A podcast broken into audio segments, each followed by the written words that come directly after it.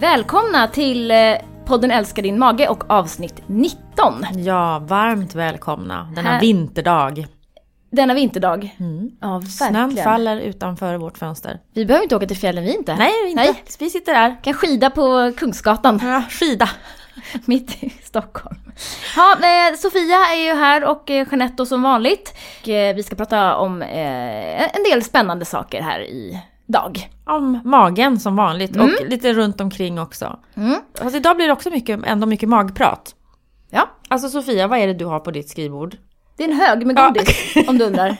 Ja, jag undrade just. Ja. Nu blir dietisten eh, utlevererad brutalt och dra- dramatiskt. Nej. Jag är sjuk. Ja, Jag får man- äta godis då. Ja, det får Jag är man. faktiskt förkyld. Ja. Nu hörs det inte så mycket. Nej, du Nej. låter faktiskt jättepigg. Tack. Mm. Eh, Men Dumle tror jag också kurerar det där. Det kommer att försvinna. Imorgon kommer jag vara frisk som en nötkärna. Ja, bra. Hörru du, Mm. vi tänkte prata lite bland annat om det här med funktionella mag-tarmsjukdomar. Vad det är för någonting och liksom hela den här eh, diagnostiseringsbiten. Ja, du har ju snöat in lite på det Ja, här. ja, för jag tycker att jag förstår ju också när man är ute och träffar patienter. Jag jobbar ju nu en dag i veckan på Stockholms gastrocenter på Sofiahemmet och håller IBS-skolor där uppe. Eh, och träffar patienter. Jag träffar ju patienter andra ställen också. Men då har vi en fantastisk läkare där uppe som heter Dr. Rain Sensalu. Och han är ju verkligen intresserad av det här med eh, funktionella mag-tarmsjukdomar. Alltså bland annat IBS då. Eh, och brukar då hålla en liten eh, presentation där, en föreläsning för patienterna på våran lektion 1. Eh, och då när jag lyssnar på honom och också när jag hör patienter som frågar så förstår man att, att det inte är så lätt att förstå det här alltid med vad IBS är för något. För det första så är det ju många som känner det här att ja, de hittade ingenting annat så, så då sa de att det var IBS. Ja, så det är väl liksom detsamma som att inte få en diagnos eller den här slaskdiagnosen som man pratar om. Och då brukar ju vi tjata om och slå fast att det är inte det utan det är en uteslutningsdiagnos. Man måste ta reda på att det inte finns några andra organiska, som det så fint heter, sjukdomar bakom liggande. Eh, så man ska göra en utredning först. Och det är så att många människor känner ju någon gång i sitt liv att de har problem med magen eller har ont i magen och går till läkaren med ont i magen.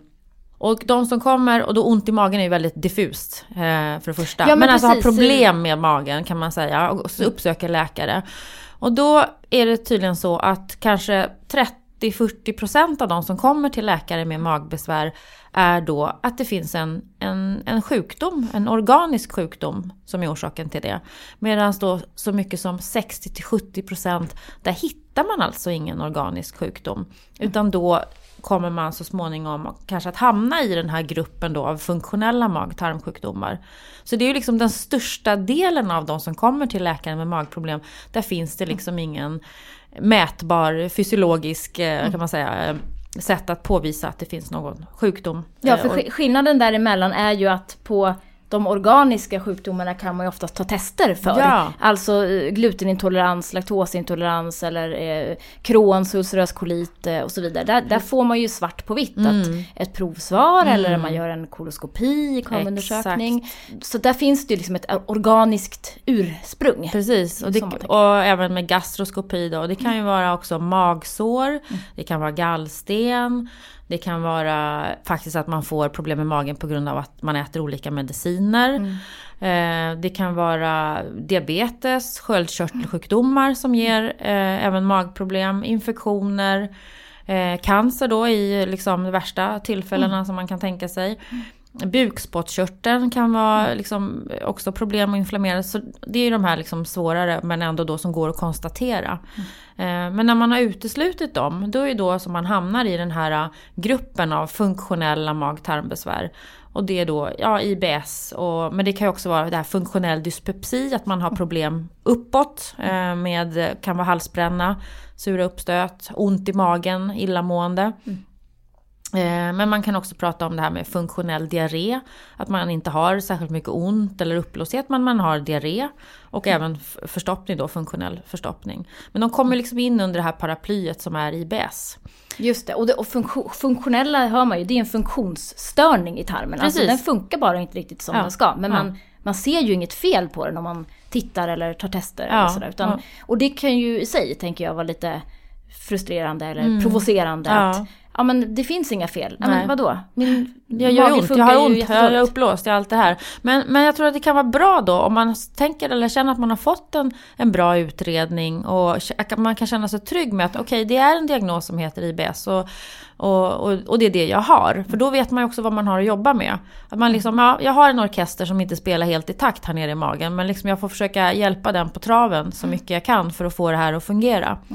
Men det är ju då som det inte finns någon sån här quick fix. Det finns tyvärr inte någon medicin, en enkelt preparat som kan ta alla symptomen utan man måste jobba på, på olika, olika håll.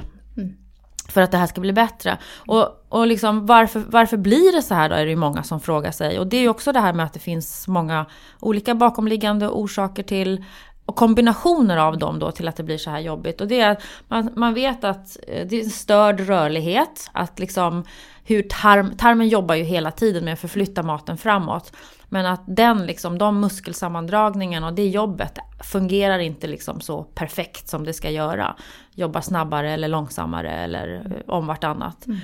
Man, man har också sett att man har en ökad känslighet, alltså en ökad smärtkänslighet när man har en sån här mage.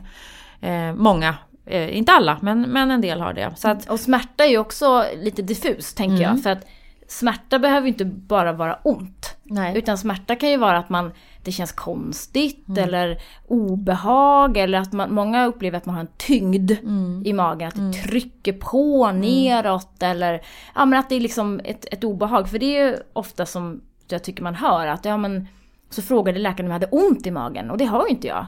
Nej okej och då är det kanske en del som hävdar att då kan det inte vara IBS för att då måste man ha en smärtkomponent. Men, men jag tänker att smärtan är ju, den kan ju vara väldigt olika. Precis. Och också att förstå då att en som har gaser och uppblåsthet och har en sån här ökad smärtkänslighet eh, eller har IBS har, kan ha då alltså extremt mycket mer ont av samma mängd eh, gaser och uppblåsthet som en annan person som inte har den här känsligheten har. Så att det gör liksom olika ont. Och sen så, så har man ju också sett att det, det är eh, den här förändringen av tarmens immunförsvar. Att slemhinnan och immunfunktionen är involverad i varför det blir så här. Och bakteriefloran då förstås som vi brukar prata om, alla tarmbakterierna. Och sen är det också den här, alltså man ser en förändring i hur hjärnan uppfattar och skickar signaler till magen. Alltså vi pratar ju om den här motorvägen av signaler som går emellan hjärnan och tarm, mag-tarmpaketet. Och att de signalerna då kan vara lite störda, både åt ena och det andra hållet. Och det är så mycket saker som spelar in så att det blir ju nästan mer otroligt att det funkar. Helt fantastiskt att det funkar så ofta som det gör när man tänker på hur mycket och hur finstämt den här apparaten är. Eh, än att det inte funkar då. Ja, ja, verkligen.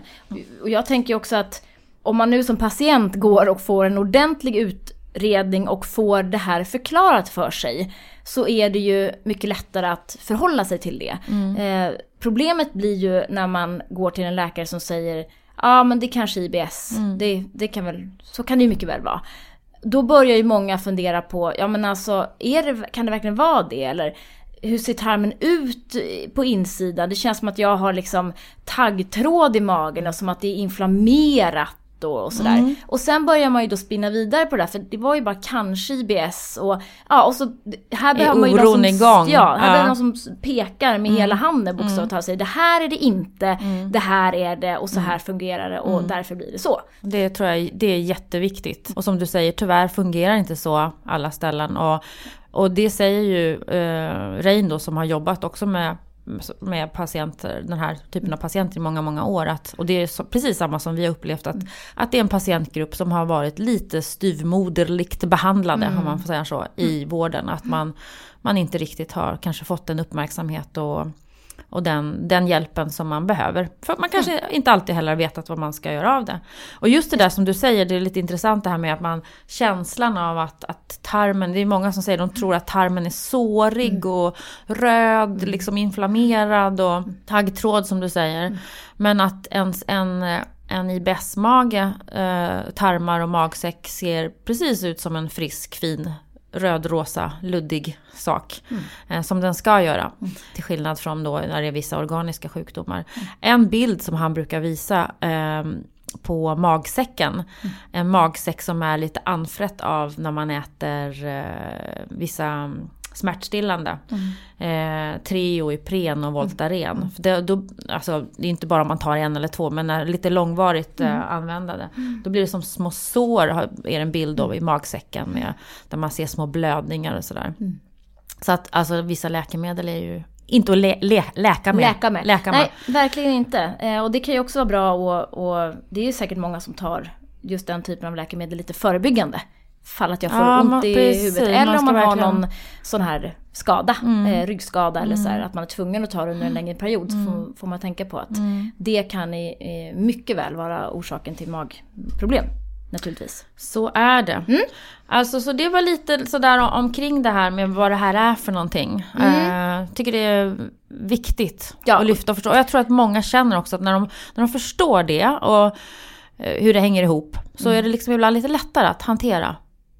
Ja, det är det. Och det vet man ju mm. vilken, vad det än gäller. Ja. Alltså om man har ont någonstans och går till en, till en, en eh, läkarmottagning någonstans och det är lite så här, ja det där har vi inte sett förut, det där var ja, lite det, konstigt. Där vill man ju aldrig höra hos en läkare, nej det här har vi aldrig upplevt nej, förut. Det är väldigt bara, konstigt okay, det här. tack. Ja, exakt. Då, då kan man ana oråd. Men, mm. men eh, just det här tveksamma liksom, mm. ja kanske, och, och nu låter det som att vi är helt läkarfrånvända, det är vi ju inte. För nej, vi gillar ju läkare gud, som ja, har... Det finns jättemycket mycket bra läkare. Ja, som har koll och som, mm. som verkligen vet och också har vett att säga till patienten att du har IBS, mm. men jag kan inte så mycket om det. Men mm. då kan du då ta det vidare mm. till en, en dietist som kan hjälpa dig mer. Mm. Bara en sån sak, att hänvisa vidare gör ju också att det, man gör en, en otrolig tjänst. Ja men absolut, precis. Nu ska jag vilja avsluta denna eh, lilla svada med att skicka lite kärlek till alla som har jobbiga magar. Ja, Eller hur? Precis. Kärlek till er från Kärlek oss. till er från mm. oss och... Eh, Kärlek till era magar. Ja. Mm. Och byt läkare om ni vill ha en annan läkare. Det finns många som är jätte, jättebra. Eh, så, så, så, så, kan man göra. Mm. En av de organiska sjukdomarna som vi nämnde precis där var ju glutenintolerans eller celiaki. Mm. Och eh, du ska prata lite mer om, om, gluten idag Sofia, du hade lite spännande saker där. Eh, innan eh, jag lämnar över ordet till Jaha. min kära kollega så vill jag bara säga en sak också. Att be alltid att få ta ett glutentest mm. Eh, om ni kommer och med magproblem och haft magproblem i lång tid. Det är fortfarande tyvärr så att det är en ganska lång tid till diagnostisering mm. eh, för just denna sjukdom. Och mm. det är inte särskilt många som har det, 1-2% men det är väl alltid så bra att kunna utesluta det. Mm. Senast häromdagen träffade jag en ung tjej som hade gått i flera år med massa olika diffusa problem och så visade det sig att det var en celiaki i botten. Mm. Mm. När man äntligen tog det testet. Bara. Precis. Så. Och det kan ju vara så att eh, eh eftersom celiaki då bara drabbar cirka 2% av befolkningen så är det många som anser att äh, det där är liksom, det är så liten sannolikhet att du skulle ha det, så det behöver vi inte ens ta test för. Eh, det behöver man göra. Det mm. tycker jag man ska se till att stå på sig så att man får göra. Ja, när man mm. har magproblem framförallt. Mm. Exakt, för det är ju en allvarlig sjukdom som kan eh, utvecklas eh, till en, eller ge biverkningar i alla fall i form av, av närings, minskat näringsupptag och eh, andra tråkiga saker. Ja, precis. Precis. Eh, och skador på tarmen eh, mm. dessutom. Det är väl det som är eh, det stora. Men eh, alltså, eh, vi får ju ofta frågor om det här med, med gluten. Relaterat till magen. Och nu har vi kommit så långt så att nu vet vi ändå att gluten, som ju är eh, ett protein, enkelt förklarat, vi ska gå in lite mer på det här, i vetekorn och råg. Att Alltså det har gjorts studier på det här också, att det här med glutenkänslighet och så vidare. Sen kommer man liksom på att men det är ju inte gluten för de allra flesta utan det är ju FODMAPsen, alltså fibrerna i sädeslagen som är jobbiga. När vi pratar om magsymptomen, Precis. uppblåstheten och ja. avföringsrubbningen och så vidare. Mm. Men tar man bort bröd och, och pasta och müsli och sådär och då blir man ju lugnare i magen. Men det är inte för att man har fått bort glutenet primärt utan det är för att man har fått bort fibrerna. Ur, mm. Ja, det är många som gör den felkopplingen där precis. Och, mm. och säger åh jag är nog glutenintolerant för jag blev så lugn i magen när jag tog bort bröd och pasta. Just det. Men då vet ju vi nu att det är fibrerna. Det är fibrerna. Eh, och det går ju inte att gå och ta ett test för eh, celiaki eller glutenintolerans om man har tagit bort gluten. Eftersom det är en autoimmun sjukdom som genererar Antikroppar. antikroppar. Ja. Autokroppar. Antikroppar. Autokroppar. Så, så försvinner de. När man tar bort gluten så försvinner antikropparna och då får man inget rättvist eh, svar. Så det är noggrant att, att göra det och så kanske någon sitter och tänker, ja, men jag tog bort gluten för fem år sedan och jag har ingen lust att börja äta det här igen nu för att gå och testa. Nej, och då får man väl ta ett sånt beslut själv då. Kan jag känna. Du är så rolig. Ja. Nej, då får man... Ja, bra. Vi kan inte tvinga någon. Nej. Men, eh, men eh, ja, och jag förstår det. Framförallt föräldrar som har tagit bort gluten på sina små barn och upplever att det här är en helt annan eh, unge. Inga förkylningar och lugn och fin mage och inte så gnällig. Då är man inte superpepp på att börja ge gluteninnehållande produkter i fyra, sex, Veckor. åtta veckor kanske, innan man kan gå och ta ett prov. Det har jag full förståelse för, men det är också en viss eh, risk i att gå då resten av livet med en, en eventuell glutenintolerans som man inte behandlar med strikt glutenfri kost, utan man kanske bara tar bort de största källorna. Mm, så att det är liksom, För det är viktigt om man får, har glutenintolerans, att man, då är det ju liksom i stort sett ja, nolltolerans kan man säga. Men det är ju i alla fall väldigt, väldigt låga halter alltså av gluten som, man, som är okej att få i sig. Men då är det ju intressant för det pågår ju också en debatt eh, i eh, världen, i, framförallt kanske i, eh, från USA där den glutenfria trenden är enorm. Eh, och den verkar ju inte minska direkt, det var väl bara ett eller två år sedan som i alla fall 30% av amerikanarna aktivt valde bort gluten och det, bara det är ju en enorm siffra. Och det här är ju förknippat med mycket så här kändisar som väljer eh, bort gluten, paleokost, eh, stenålderskost eh, som inte eh, innehåller några sädesslag. Och eh, det har ju blivit någon typ av så här, gängse uppfattning om att gluten är liksom dåligt och farligt. Eh, och det kan det ju kanske vara. För vissa i alla fall. Framförallt de som har celiaki. Eh, men då är det ju så här då, då att eh, det finns en forskare som heter Alessio Fasano som jag tycker är en av eh, de coolare människorna eh, i forskarsammanhang. ja, men han är så, han är så jävla härlig. Han är, han är italienare. Italiano. Eh, men jobbar nu i eh, Massachusetts, Massachusetts heter det va? Jag tror det heter så. Ja. Mm. Jag vill Eh, inte ens prova mig på nu och uttala det. Han har något Celiac eh, Institute, bla bla bla. Mm. Han, så han är eh, pediatriker också faktiskt. Mm. från Gud vad mycket början. svåra ord du kommer här nu. Alltså barn- Pediatriker, barnläkare. Mm. Mm. Han har koll på det här med gluten och celiaki framförallt. Och han är ju, han är skön för han är liksom lite på jorden. Eh, så, lite enkel, lite så här svart eller, det är inte svart eller vitt utan han är lite balanserad. Eh, samtidigt som att han ändå är lite ifrågasättande och har forskat framförallt enormt mycket på glutenets påverkan på tarmen och tarmslemhinnan och genomsläppligheten, permeabiliteten i tarmen, alltså läckande tarm. Mm. Som ju också är ett begrepp. Just. Mm. Vi ehm, började ju äta gluten eller sädeslag, eh, den typen av eh, spannmål helt enkelt, för typ 10 000 år sedan. Vilket betyder att rent evolutionärt så är vi ju inte gjorda för att äta gluten. Det är ju bara att inse. Och det är ju rätt tydligt eftersom vi saknar matsmältningsenzymer för att smälta gluten. Är vi evolutionärt utvecklade till att äta kebab, tror du? Kebab. Jag skojar bara. Jag Förlåt. inte. Jag tänkte att det var så mycket mat som vi kanske inte är utvecklade Ja. till att äta. Jag skojar bara. Ja, Ja, men alltså gluten är ju det enda eh, proteinet som vi får i oss via Mm. kosten som vi inte kan fördela ner i minsta beståndsdelar, det vill säga aminosyror. Vi har inte saxarna liksom, i kroppen. Nej. Och det säger ju någonting, tänker jag. Mm. Ja, så.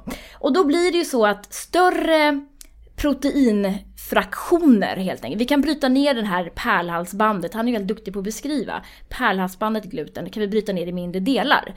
Sen stoppar det liksom där. Eh, och då, då kommer ju de här delarna fram till tarmslemhinnan. Och då känner ju inte tarmslemhinnan igen det här. För det är inga aminosyror som den kan släppa igenom och som kan gå ut i kroppen och göra andra saker. Eh, utan det här är ju något helt annat. Så att tarmslemhinnan uppfattar glutenfraktionerna som inkräktare. Bakterier. Och det är därför den reagerar. Ja, hos alla människor. Mm. Så är det. Så att gluten är toxiskt för alla människor. Oj. Va? Det här lät ju som en, en kvällstidnings... eh, Ja. Citera mig vänligen inte på detta. Citera honom. Eh, nej men alltså, och, och, men Ja, det, är det ingen, det är ingen alltså. fara. Ja. Liksom, Ja, det är ingen fara. Det är ingen vi klarar det. Det är Vi, kroppen är är ganska duktig på ju att Exakt. ta hand om saker och ting. Precis så. Mm. Så att när gluten då kommer mot tarmslemhinnan så bestämmer ju den så här, vän eller fiende. Mm. Ja, och det här är ju en fiende. Så då mobiliserar den då eh, sina små, eh, ja såna här väktare helt enkelt. Och så blir det en clinch där. Problemet, då blir det en lokal inflammation i tarmen. Mm. Eh, och nummer två då, det är att de här fraktionerna i gluten kan aktivera eh, ämnet som heter sonulin, eller sonulin. Då, som den här forskaren Alessio Fasano är ju den som upptäckte sonulin sonulinproteinet. Just det. Mm.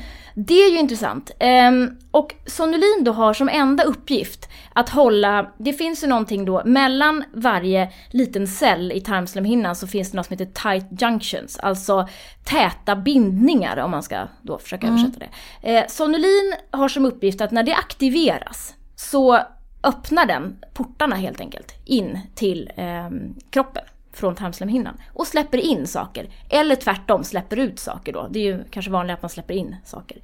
Eh, och bakterier och virus och sånt ska ju inte gå in normalt sett.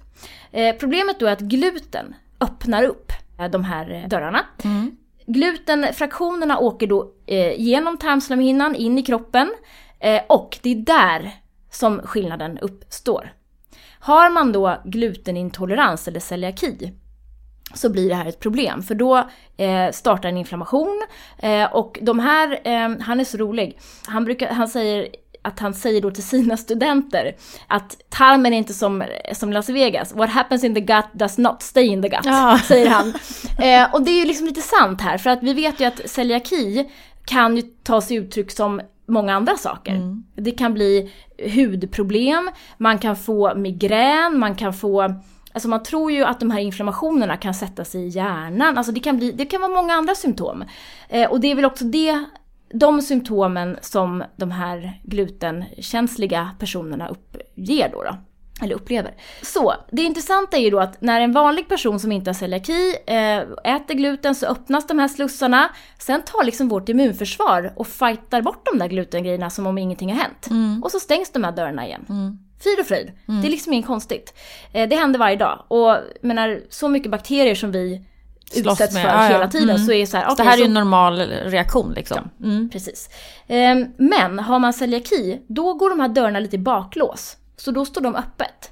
Så man kan säga att de har ju verkligen läckande tarm om man då äter gluten när man Mm. Just har celiaki. Mm. Eh, Och gluten orsakar läckande tarm hos alla människor för att de slår upp de här dörrarna men de, de, de genererar en inflammation som vi tar hand om och så stängs Mm. dörrarna igen. Så, med det sagt så kan vi liksom inte säga att gluten är farligt. Men sen finns det ju andra då faktorer som spelar roll i det här och det har ju att göra med livsstilen, eh, stress till exempel, som ju också kan påverka genomsläppligheten i tarmen. Och om man då adderar gluten till det, hur blir det då?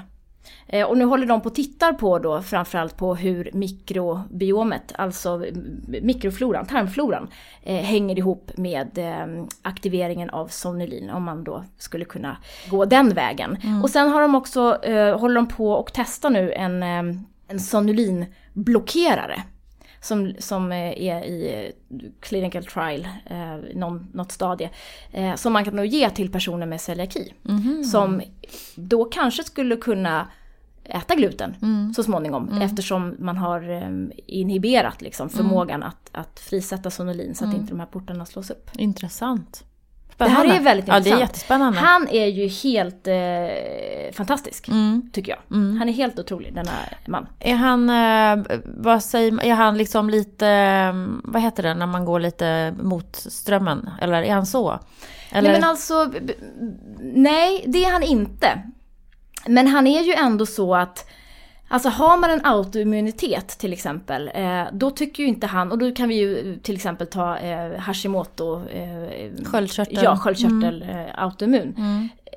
Eh, då tycker han att man för den delen kan bara försöka undvika gluten för att se om, om antikropparna påverkas där. Så att det finns ju en, alltså han är ändå öppen för att allting hänger här ihop och vi måste bara försöka hitta nyckeln till vad det är som liksom av vilken person, vad varje person ska ha. Om man säger så. Det här är liksom ganska avancerat. Mm. Men, men eh, vi vet ju att sonulin sitter då, generna då härstammar från en kromosom eh, som, som har väldigt många sjukdomar kopplade till sig. Vi pratar eh, cancer, vi pratar autoimmuna sjukdomar och neurologiska sjukdomar. Eh, och likadant då de här generna eh, som sonulin då kodar för är också har många typer av sjukdomar kopplade till sig. Så att det är ju fint, alltså någonting har ju att göra med det där. Eh, sen vet vi inte vad varje människas toleransnivå Nivå. går heller. Precis. Och, och det är det här ibland, vi stöter ju på ibland människor som, har slu, som inte har en celiaki eller glutenintolerans men och har slutat med gluten och mår bättre. Alltså då tänker jag inte på magen utan mera på andra symptom som de just har haft. Som du var inne på med huvudvärk och trötthet och ont i leder och allt vad det är. Och då undrar man ju hur det hänger ihop. Liksom. Ja. Är det något om det här? Exakt. Om att vissa inte mår så bra av det.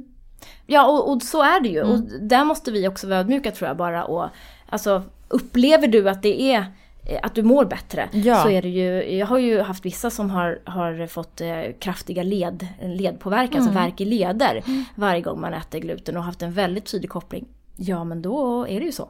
Det är liksom inget konstigt egentligen. Och det går ju att äta annat än gluten. Bara man inte Ja, kanske frotterar absolut. allt för mycket på den glutenfria hyllan. För det är kanske inte alltid de bästa ersättningsprodukterna. Nej. Utan man försöker hitta det här som vi pratar om som mer naturligt glutenfritt. Att man liksom använder livsmedel, eh, mat som är, inte har gluten i sig från början.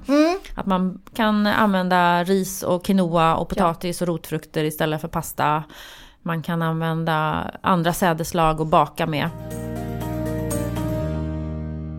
Vi är sponsrade av Dofilus och jag älskar ju verkligen bakterier som jag säger i reklamen. Och det gör jag ju faktiskt. Eh, det coola med Dofilus är ju att den innehåller tre olika bakteriekulturer. Precis, och den innehåller väldigt många bakterier. Det vill säga 10 miljoner goda bakterier per milliliter. Och om man då tänker sig att man äter en portion på 2,5 deciliter, då får man i sig 2,5 miljarder bakterier. Det är ganska mycket. Ja, det är jättebra. Eh, och de här tre stammarna då, det är eh, en stam som heter F19, eh, som är faktiskt Arlas helt egna patenterade bakteriekultur. Eh, de andra två stammarna är en som heter LA5 och BB12. Och det fina med alla de här tre bakteriekulturerna är att de är bra på att överleva både i produkten och i mag-tarmkanalen. Det är väldigt fint, för att man vill ju att de ska det när man äter dem. Precis. Ja, så, så kommer det- fram. Ja, ska de. Så rätt ställe. Ja. Det är ju bra att eh, prova under en period, som vi brukar säga med allt möjligt annat. Så att prova ett par månader och känna efter hur det känns. Och det är ju liksom, ja, det kan ju bli en god, god vana. Absolut. Det är eh, yoghurt som man kan dricka eh, varje morgon. Mm. Eller Äta. lunch. Eller eftermiddag. Middag. Kväll. Ja. Mm. Vi har ju ehm, en fantastisk kvinna som jag också eh, läser mycket av som heter Kerstin Fredlund som är allmän eh, läkare och som har doktorerat på livsmedelsvetenskap eh, vetenskap, eh, på Chalmers. Mm. Hon är ju väldigt mycket inne på det här med, med gluten också. Gluten i gluteninnehåll i olika livsmedel. Hon och Fasano är inte vi, riktigt överens. Han menar att den veten vi har nu inte har förändrats särskilt mycket senaste 50-60 åren och att alltså autoimmuniteter, celiaki etc. har mera eh, livsstilsrelaterade orsaker. Eh, Kerstin menar tvärtom. Att vi, det vi har sett nu senaste 50 åren är en kraftig hybridisering till exempel av, av framförallt vete. Eh, för att få fram sorter som ger oss mycket mera liksom, lättbakade och eh, lätthanterade eh, degar och fluffiga bröd och så vidare. Eh, och att det är det som kan vara, tycker hon då, anledningen till att vi har en ökning av, av eh, glutenintolerans. Mm. Men då är ju hon, hon är väldigt härlig och pratar mycket om, eh, eh, om att gluten är ju inte bara gluten. Gluten är ju ett samlingsnamn för liksom flera hundra eh, proteiner. Eh, och det här är ju eh, också lite nördigt men jag tycker ändå att det är, mm, att det är intressant. Eh, och då menar hon att, att de eh, glutenfragmenten då som finns i vete så är det ju då ett som heter alfagliadin som är eh, det som hon menar är mest kopplat till uppkomsten av eh, celiaki. Mhm, mm. Eh, och det är lite intressant då, för den finns ju i vete, men den finns inte i eh, råg och korn. Det är helt andra glutenuppsättningar där. Eh, och att de sädeslagen då skulle vara liksom snällare f- av den anledningen. Okej. Eh, och vi vet ju också att idag sätter man ju till rent vetegluten till många bröd. Det vill jag verkligen att man tar med sig. Välj bort de bröden då, för det är ett sånt, en sån sorts rent veteprotein som just är det här sämre för magen helt enkelt. Och det står ju på innehållsförteckningen. Först står det vetemjöl, rågmjöl, dut, dut, dut, dut, och sen står det vetegluten. Mm. Jag tycker man kan välja bort Mm. eh, den sorten. Kerstin då brinner för det här med eh, urvetesorter. Alltså enkorn, emmer, durumvete, dinkel. Dinkel. gör ju vi Mm. också faktiskt. Mm. det har vi lite Ja, flera gemensamt. olika. För dinkel är en av Mm. dem, eh, en vetesort som innehåller också lägre andel FODMAP-fiber. Så Ja. det vill säga att den är snällare, ofta snällare för magen Mm. när det gäller eh, jäsningsproceduren i magen. Mm, och precis. dinkel och dinkel surdegsbröd då framförallt Exakt. ännu bättre. Mm. Mm. Eh, och det är ju då ehm, lite grann ditåt som jag tänker också att det är bra att liksom komma. Att man använder de här urvetesorterna i lite högre utsträckning och gärna då i surdegsbröd. För att det är faktiskt så att, att i surdegsbrödet så bryts också gluten delvis ner till fria aminosyror. Och det är också lite intressant för då är ju gluten helt plötsligt nedbrutet Då där. kunde det det. Ja, det är obs, det är inte så att det är glutenfritt. Nej, nej, så att man nej, kan äta nej. om man har celiaki. Men det bryts ner och mig vetligen så finns det ingen studie på hur mycket gluten ett surdegsbröd innehåller kontra då ett vanligt eh, vete eller rågbröd. Det hade varit väldigt intressant Mm. att se. Kanske finns, vi får göra en efterlysning. Ja, Är det någon där ute? jag hoppas verkligen Mm. att det kommer, för det hade varit intressant att se. Eh, Ölandsvete. Det Mm. är också en sån här gammal eh, kulturveteform Mm. som, är, som är då bättre helt enkelt. Och annars Eh. kan man ju också använda, jag tänker helt andra eh, sädeslag, alternativa sä- sädeslag. Vi pratar ju tidigare pratat om teff, durra, Mm. hirs, bovete, majsmjöl, rismjöl. De här om Ja. man vill baka Precis. Naturligt glutenfritt. Ja, och Havre. Havre. Ja, ja, ja men verkligen. Och, och det är bara det att det, då blir det ju krångligare direkt Ja, att få till ett ja, bröd. absolut. Och, och är man Mm. i liksom en person som kanske inte bakar normalt och så här, så vet vi att det är inte lätt att baka glutenfritt. Det eh, är vi de första att skriva under på. Mm. Men att då kunna använda, eh, framförallt i vårt fall dinkel, siktad Mm. dinkelmjöl är ju bättre både för eh, magen ur IBS-synpunkt men också då förmodligen då glutenpåverkan. Mycket intressant Mm. tycker jag. Mm. Eh, Så vi slår ett slag för urvetet. Ska gå Ur- hem och sätta lite urvete på balkongen. Urmodern slår ett slag Ja. för urvetet. Ja, jag tror faktiskt att, eh, att vi behöver göra det. Eh, Det är många som är sjuka nu också. Ja. Har du nördat klart nu? Nej. Ja, ja, jag tänkte jag skulle nörda in på årets influensa. Men det är mest bara för att jag tyckte att det var lite intressant att säga att gud vad många det är som är sjuka. Ja. Och gud vad sjuka de är. Ja, ja verkligen. Och nu säger vi dem som tur var kan man säga. Ingen av oss har blivit drabbade. Ja, man, man är så här knack, knack, knack i... Uh, Ja. Ta i trä. Exakt, verkligen. Eh, Årets influensa... Den Vaccin. har slagit till. Ja. Och folk ligger ju liksom däckade i flera veckor. Exakt. Det var nog fel på vaccinet där också. Det var något, det var något dåligt, det gav inte rätt skydd för att den, eh, det gav inte tillräckligt skydd mot de, de här dominerade influensastammarna. Vilken otur. Hoppsan! Hoppsan. Det blev lite det var inget fel bra. Det blev där. lite fel i cocktailen där. Ja, det... Men det var kanske någon som fick betalt för det ändå. Kan man tänka sig. Oj! Va? Va? Sa du det där? Jag sa det. Herregud! Det var ju annars en kommentar. Det var en Sofia-kommentar. Obs! Vi är inte vaccinkritiska. Vi Nej. bara, vi bara tänker att fasen, ibland går det lite fort Mm. när det handlar om att tjäna pengar. Ehm, vi har också en studie på vinterkräksjukan här, eller en studie. Det är ju mera att vi har kommit fram till varför vinterkräksjukan är så enormt liksom, spridningsbar. Ehm, alltså vet att det är en halv miljard människor som drabbas av vinterkräksjuka varje år. En halv miljard. Ja, och 200 000 av dem dör. Nej men sluta. Vad, alltså, har, har alla vinter höll jag på att säga? Eller är det, blir den kallad olika saker i olika länder? Ja, det är en väldigt bra fråga. Ja. Jag vet inte. Alltså, jo. Det, alltså den bakterien, vi pratar om en, vi pratar om en bakterie. Ja. Eh, Nej, vi pratar om ett virus. virus, det här är virus, virus. ja. precis. virus. Ja. Alltså, jag sitter här och bara tänker nu att, ja men alltså det måste ju vara det. För då har de även kommit fram till då att Eh, viruset sprids främst inomhus och det är Mhm. för att många är ju just inne i, i de här månaderna. Och då tror man att torrare luft är ju en orsak för då, då sprids de här Ja, tydligen kan vi ju eh, checka av bättre. den Mm. i våra inomhusklimat. Ja, Precis, och avsaknad av solljus då. ja den kan vi också checka av på. Ja, Ja. det är lätt. Eh, de, de eh, faktorerna då påverkar överlevnaden hos eh, en del av de här smittämnena. Mm. Så det är ju intressant alltså. Ehm, Vi ska vara ute mycket, ska vi. ja, Även när det är kallt. det är fint. På med kläder, ut i snöstormen. För Mm. den har vi precis utanför fönstret här nu. Ja, det har vi verkligen. Mm. verkligen. Intressant. Du har varit otrogen mot mig har jag hört.